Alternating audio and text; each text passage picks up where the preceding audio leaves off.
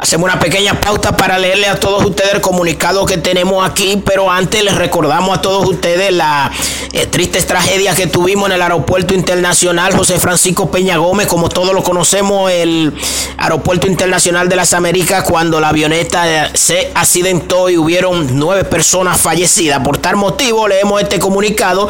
Dice la compañía Elidosa Aviación Group, la propietaria de la aeronave siniestrada el miércoles pasado expresó en un comunicado que sus operaciones son seguras y que cumplen las leyes en el manejo de las aeronaves. El IDOSA afirmó que cumple con las normas de seguridad operacional y las eh, restricciones aéreas que rigen la aviación civil a nivel nacional e internacional como lo demuestran sus 29 años de función que eh, superan las 55 mil horas de vuelo en aviaciones en el mundo o tanto nacional como internacionales.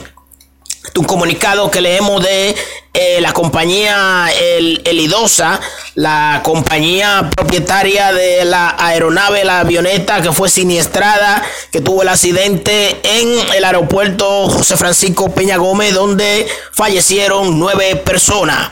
Siga usted en sintonía con La Verde desde Henry, 83.57 para los Estados Unidos y desde los Estados Unidos. Mucha música buena.